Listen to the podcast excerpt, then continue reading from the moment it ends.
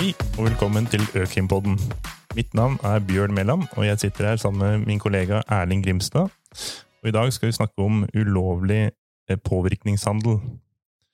Eh, ulovlig påvirkningshandel er jo gjerne et begrep som benyttes sammen med korrupsjon, eh, men det er kanskje mer ukjent for flere enn begrepet korrupsjon. Så Erling, kan ikke du si noe om hva det er for noe? Ja, altså Mange har jo hørt om bestikkelse og korrupsjon og har et forhold til hva det gjelder. Men jeg tror som du sier, Bjørn, at eh, det ordet påvirkningshandel det er ganske ukjent for mange. Og jeg tror ikke mange engang er klar over at vi har en egen straffebestemmelse i straffelovens 389 om påvirkningshandel. Så det er en helt bestemt form for korrupsjon, som på engelsk eh, heter trading in influence. Og det syns jeg er ganske, en ganske god betegnelse på hva det handler om, fordi at du påvirker noen. Du kan tenke deg en eh, lobbyist. da.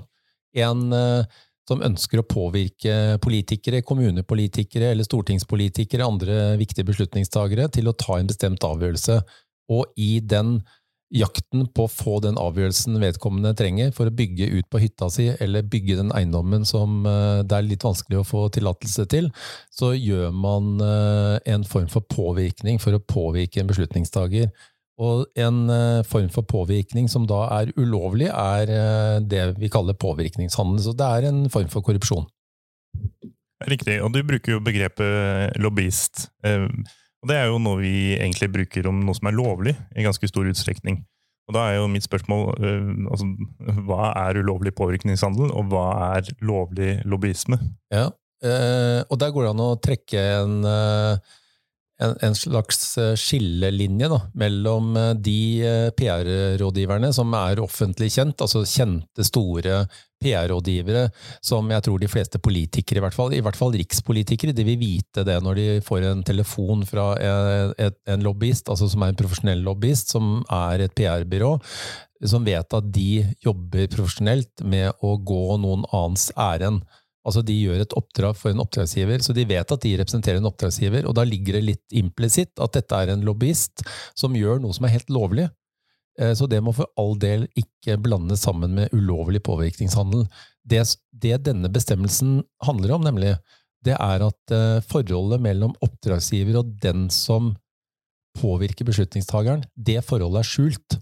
Eh, og det er jo fellesnevner for all korrupsjon. Det skjer i det skjulte. Det er kun de få inviterte som vet hva som foregår og kan spillereglene. De andre som står på utsiden og ikke er invitert, de aner ikke hva som skjer.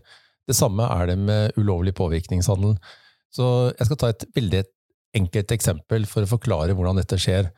Eh, tenk deg en kommune hvor det er en eh, næringsutvikler som ønsker å bygge en eiendom som ligger kanskje tett opp til en markagrense, hvor det er strenge restriksjoner på utnyttelse av den eiendommen. Vedkommende prøver flere ganger i eh, planutvalget i kommunen å få gjennomslag for å få den utbygging som gjør at eh, det blir en mer lukrativ eiendom som vedkommende vil tjene mer penger på. For nei hver gang. Til slutt så tenker han at ok, hvis jeg kan eh, gå for en eh, klare å påvirke de som sitter i kommunestyret på en eller annen måte, til å ta den beslutningen jeg ønsker, så får jeg kanskje et annet svar. Og hvis vedkommende da starter å, å eh, nærmest teppebombe miljøet rundt eh, kommunepolitikere, viktige kommunepolitikere, det kan være i kommunen de som er eh, ledere for, for partigrupper i kommunestyret, og går til deres nærmeste venner eh, og betaler de en god slump penger for at de skal få sin venn, som er kommunepolitiker, til å snu i synet på tillatelse eller ikke, så vil det være en påvirkning som er ulovlig. Eh, forutsatt at eh, de avtaler at det ikke skal sies fra om til noen at de har inngått en avtale. Så du går altså via en tredjepart som du inngår en hemmelig avtale med, for at tredjeparten skal påvirke beslutningstageren. Et eksempel fra virkeligheten i Norge, som er eh, relativt kjent, eh, i hvert fall i visse kretser, er jo eh, Equinor, eller Statoil som det het, i 2003. Fordi at denne bestemmelsen kom sammen med de andre korrupsjonsbestemmelsene i norsk straffelov i 2003, etter en europarådskonvensjon. Og før bestemmelsen trådte i kraft, så hadde Statoil inngått en avtale med et selskap som het kort fortalt Horten. Eh, Statoil ønsket å utnytte noen gassfelt i Iran, som da på det tidspunktet var blant verdens største gassfelt. Så Statoil eh, la inn i en konkurranse med store oljeselskap i hele verden, la inn et uh, tilbud og ønsket å komme i posisjon for, til å få den kontrakten. Så de brukte en mellommann, Horten, som viste seg å være slektning av tidligere oljeminister Afsaniani i Iran. Uh, og de endte opp med å få kontrakten, og betalte relativt store penger til mellommannen Horten, eh, som ikke leverte noen ting på papir, egentlig, men som eh, brukte sine kontakter for å påvirke beslutningstagerne i Iran. Eh, og på det tidspunktet når disse bestemmelsene om korrupsjon trådte, i, trådte i kraft i norsk straffelov, så skulle Statoil ha terminert den avtalen, for den var lovlig før 2003, men den var ulovlig på det tidspunktet denne bestemmelsen trådte i kraft.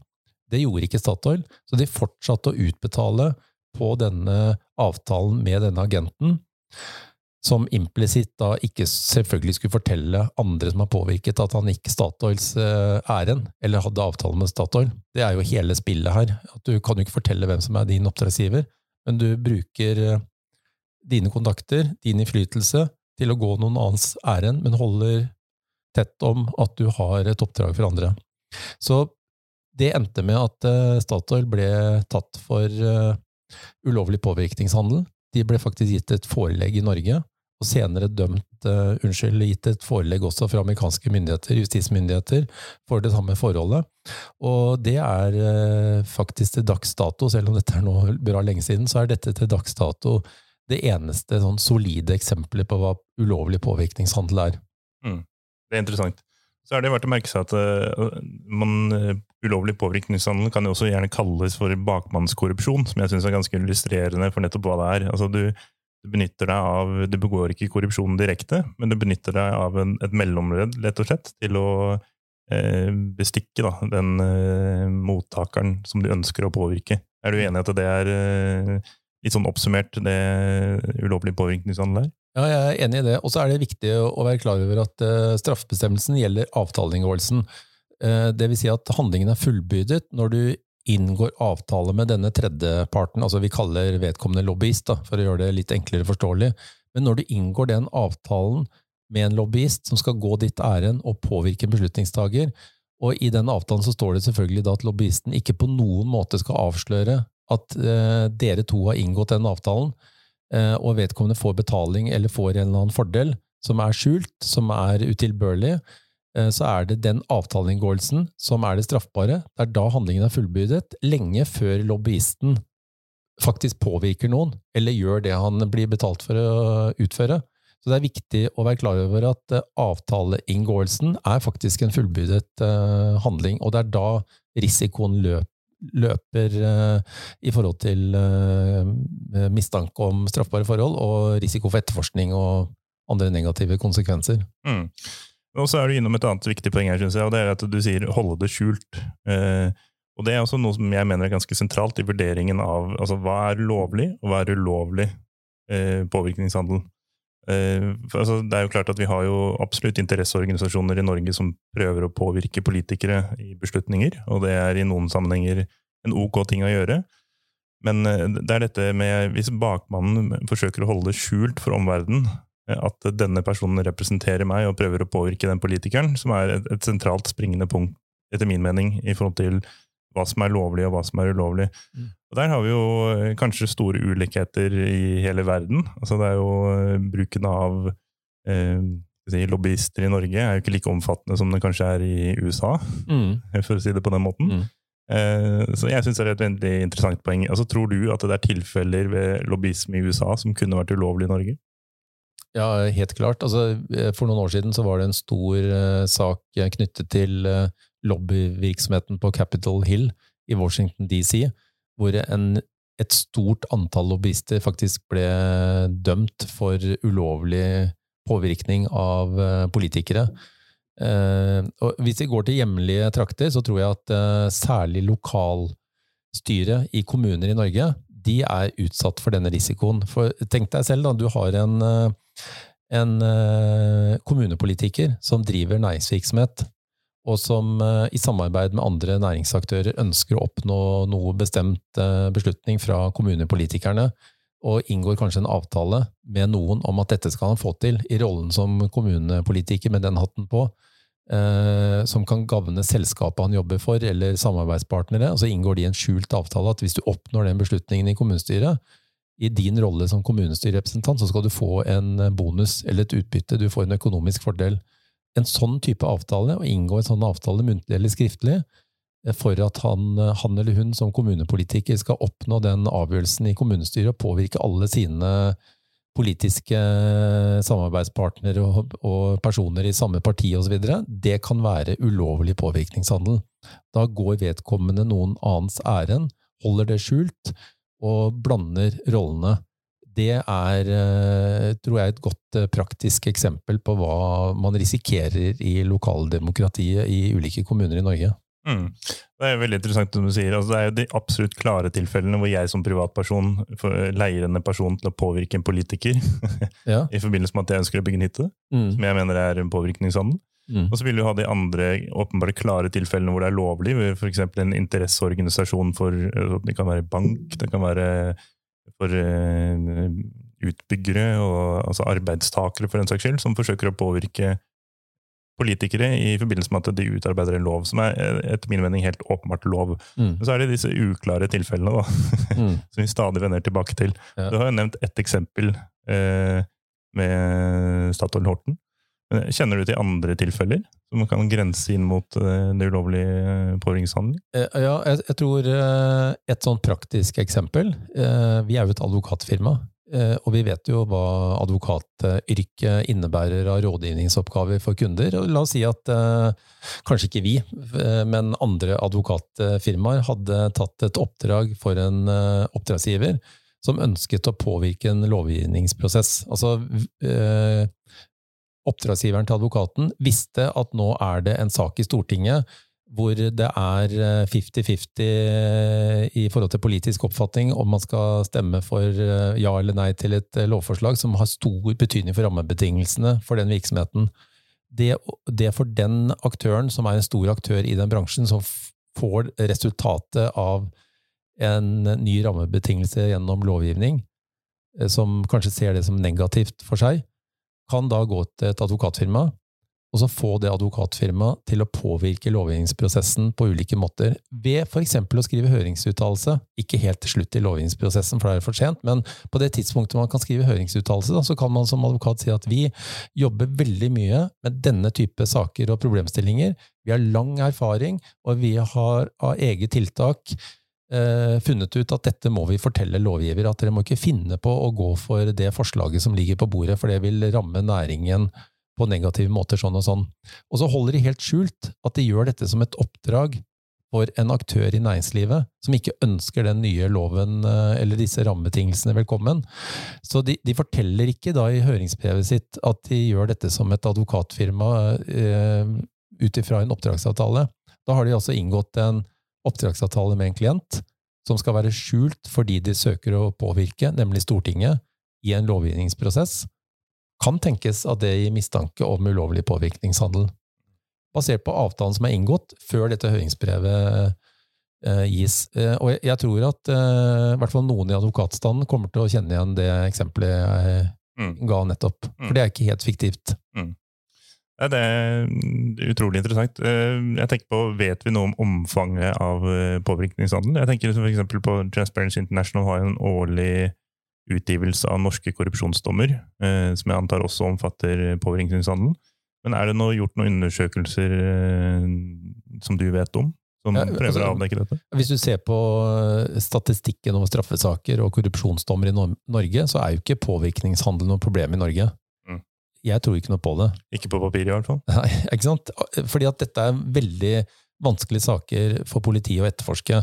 Hvordan skal du bevise Eh, at to aktører har inngått en hemmelig avtale. Det er omtrent like vanskelig som å avdekke konkurransekriminalitet, hvor man eh, beslutter å inngå et samarbeid som skal være skjult for andre, og det Poenget er nettopp at det skal være skjult for andre, så det kan være gentleman's agreement. Så avtaleformen gjør at det er umulig i noen tilfeller å avdekke gode nok bevis som holder i retten. Og selvfølgelig vil ingen av partene som er involvert i en ulovlig påvirkningshandel, røpe hva de har gjort. Mm. Så du vil eh, vanskelig finne indikasjoner på at det er begått. Men det betyr jo ikke at det ikke begås den type handlinger. Jeg, jeg, tror at i Norge som et ganske lite land, når du tenker på bransjer eh, hvor folk kjenner hverandre godt. De har kanskje gått på skole sammen. Du har eh, lokaldemokratiet, da, som jeg kommer tilbake til. Kommunepolitikere som er født og oppvokst, har levd eh, lenge i distriktet. De driver en næringsvirksomhet, de har egne næringsinteresser. De har en rolleblanding som kan være helt enorm i ulike sammenhenger, og det er veldig viktig at de vet eh, når de skal skille rollene som kommunepolitiker og andre roller de har. Eh, så en sammenblanding av folk som kjenner hverandre, inhabilitetsutfordringer, og at de går andres ærend gjennom sånne typer skjulte avtaler at 'hjelp meg med den, den, beslutningen der, så skal du få en fordel av meg', jeg tror det er en høy risiko i vårt eh, land, og jeg er veldig overrasket eh, over at vi egentlig har så få saker i rettspraksis på, på, dette. Og husk på at tilbake til 2003, Statoil-Horten-saken, ble jo ikke anmeldt eh, av noen. Den kom opp på en helt skjult, eh, eh, fortsatt hemmelig måte for veldig mange som ikke var innvidd og ikke forsto hva som skjedde den gangen, som ledet til at eh, Statoils eh, hovedkontor på Forus i Stavanger ble raidet, faktisk, og gjenstand for ransaking og beslag, og ganske dramatisk historie for Statoil, som eh, har ridd de i mange år etter denne saken kom opp, og kostet de ganske mye penger. Eh, så at det er det, liksom det eneste tydelige eksempelet i Norge, det tror jeg ikke noe på er, en, er, uttrykk for en realitet. Jeg tror dette er en mye større risiko enn mange er klar over. Men la oss si at jeg er et, et foretak da, som jobber i bygg og anlegg. Og jeg har jo lyst til å prøve å påvirke politikere. Det er helt legitim interesse jeg har. Eh, og jeg har også lyst til å bruke meg en kommunikasjonsrådgiver. Hva er det jeg bør tenke på da? Eh, når jeg skal velge en kommunikasjonsrådgiver, og hva han skal gjøre videre. Hvilke instrukser skal jeg gi, f.eks.? Hva annet må jeg sørge for å ha på plass? Ja, altså jeg ville vært eh, helt tydelig på at det i avtalen med kommunikasjonsrådgiveren fremgikk veldig tydelig at eh, kommunikasjonsrådgiveren skulle fortelle at rådgiveren handler på oppdrag fra noen. Det er ingen krav om at du navngir oppdragsgiveren din som eh, PR-rådgiver, lobbyist, men du må gi ut, tydelig uttrykk for at du gjør et oppdrag eh, for noen. Altså Som det eksempelet jeg viste til i advokatbransjen, hvor man sier at dette gjør vi av eget tiltak, for vi mener at det er urimelig at denne loven eh, kommer til. Det er en, da seiler du under skjult flagg. Å, eller falskt flagg. Det å å, være åpen overfor den du påvirker, at dette gjør du som en del av et oppdrag, hvor du har oppdrag fra NN, eh, da er du utenfor risiko. Så, så, det er utrolig viktig å, å gjøre. Og så, tror jeg nok noen av de som kanskje lytter på denne podkasten, og som bruker en strategi hvor de først kartlegger beslutningstaker, altså det er en beslutning de ønsker å påvirke, så kartlegger de beslutningstagerens nærmeste omkrets, så setter de inn støtet i den nærmeste omkretsen. Så de påvirker ikke, de setter ikke i gang aktivitet for å påvirke beslutningstageren, men vedkommendes nærmeste allierte, nærmeste krets. Altså den beslutningstageren har høyest tiltro til. Det er der de setter inn støtet, og forsøker å få de til å gå til sin uh, nærmeste sjef, da, som det vil være i noen tilfeller, eller den som da søkes påvirket. Uh, de går Eh, legger inn argumenter som de skal bruke igjen overfor beslutningstakeren. Så det skjer gjennom flere ledd, eh, og derfor er det jo kretsen rundt beslutningstakeren som er eh, interessant å kartlegge i forhold til påvirkningshandel. Ikke nødvendigvis beslutningstakeren i alle tilfeller. Hvem er nærmeste familie? Hvem er det vedkommende har tillit til? Hvem kan påvirke vedkommende til å endre oppfatning? Og det kan man jo tenke seg selv da, på mange måter. ikke sant? Hvis du har tillit til noen som sier at du, nå tar du feil. Eh, dette her bør, Beslutningen du bør ta, bør være sånn og sånn. Mm. Og det er en av dine nærmeste profesjonelle rådgivere. Du lytter jo til vedkommende. Mm. Så det er den som søkes påvirket i en ulovlig påvirkningshandel. Mm.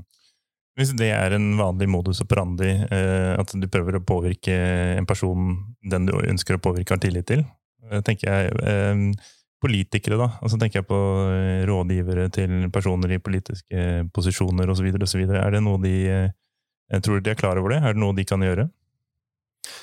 Ja, altså Det de kan gjøre, er at de kan i hvert fall være klar over at de er faktisk target for ulovlig påvirkningshandel. Så eh, de politiske rådgiverne, eh, altså sekretærkorpset og de nærmeste rådgiverne til eh, politikere, særlig de folkevalgte, de er jo de som er utbytte Altså, de er bytte, da. Det er de, det er de du må klare å overbevise og selge inn argumentene til, helst i det skjulte. Og i hvert fall sånn at når de forteller dette videre til den endelige beslutningstakeren, altså som de er rådgiver for, ikke sier at du har hørt et argument der fra et PR-byrå.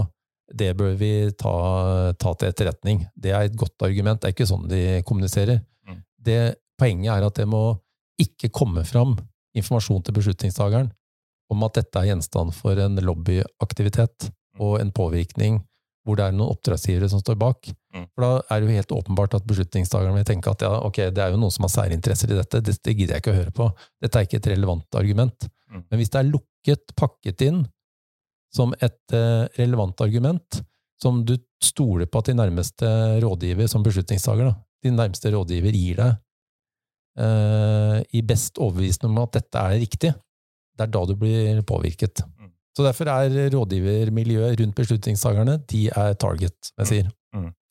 Så For å oppsummere litt, altså, mitt lille private foretak som ønsker å påvirke politiker, eh, bør i hvert fall sørge for at den personen jeg leier inn som eh, en lobbyist, skal sørge for å eh, seile under klart flagg, som vi kan kalle det. Mm. Altså Han må være helt ærlig og redig om at han opptrer på vegne av meg som oppdragsgiver. Mm. Det er et av de viktigste punktene. Ja, altså jeg ville, jeg ville tenkt hele tiden på at skjult avhengighetsforhold er lik risiko for korrupsjon. Så hvis det ikke er noe skjulte avhengighetsforhold, det er åpent, altså man kan kanskje overdrive det ekstraordinært i sånne tilfeller for å unngå øh, å komme inn i en situasjon hvor man blir mistenkt for uh, ulovlig påvirkningshandel, så er det en, en god leveregel. Og husk på at medvirkning er straffbart også, så det er jo flere i noen ringer rundt avtalepartnerne her som kan bli dratt inn i en eventuell etterforskning. Mm. Det tror jeg er alt vi rekker for i dag. Så takk for nå.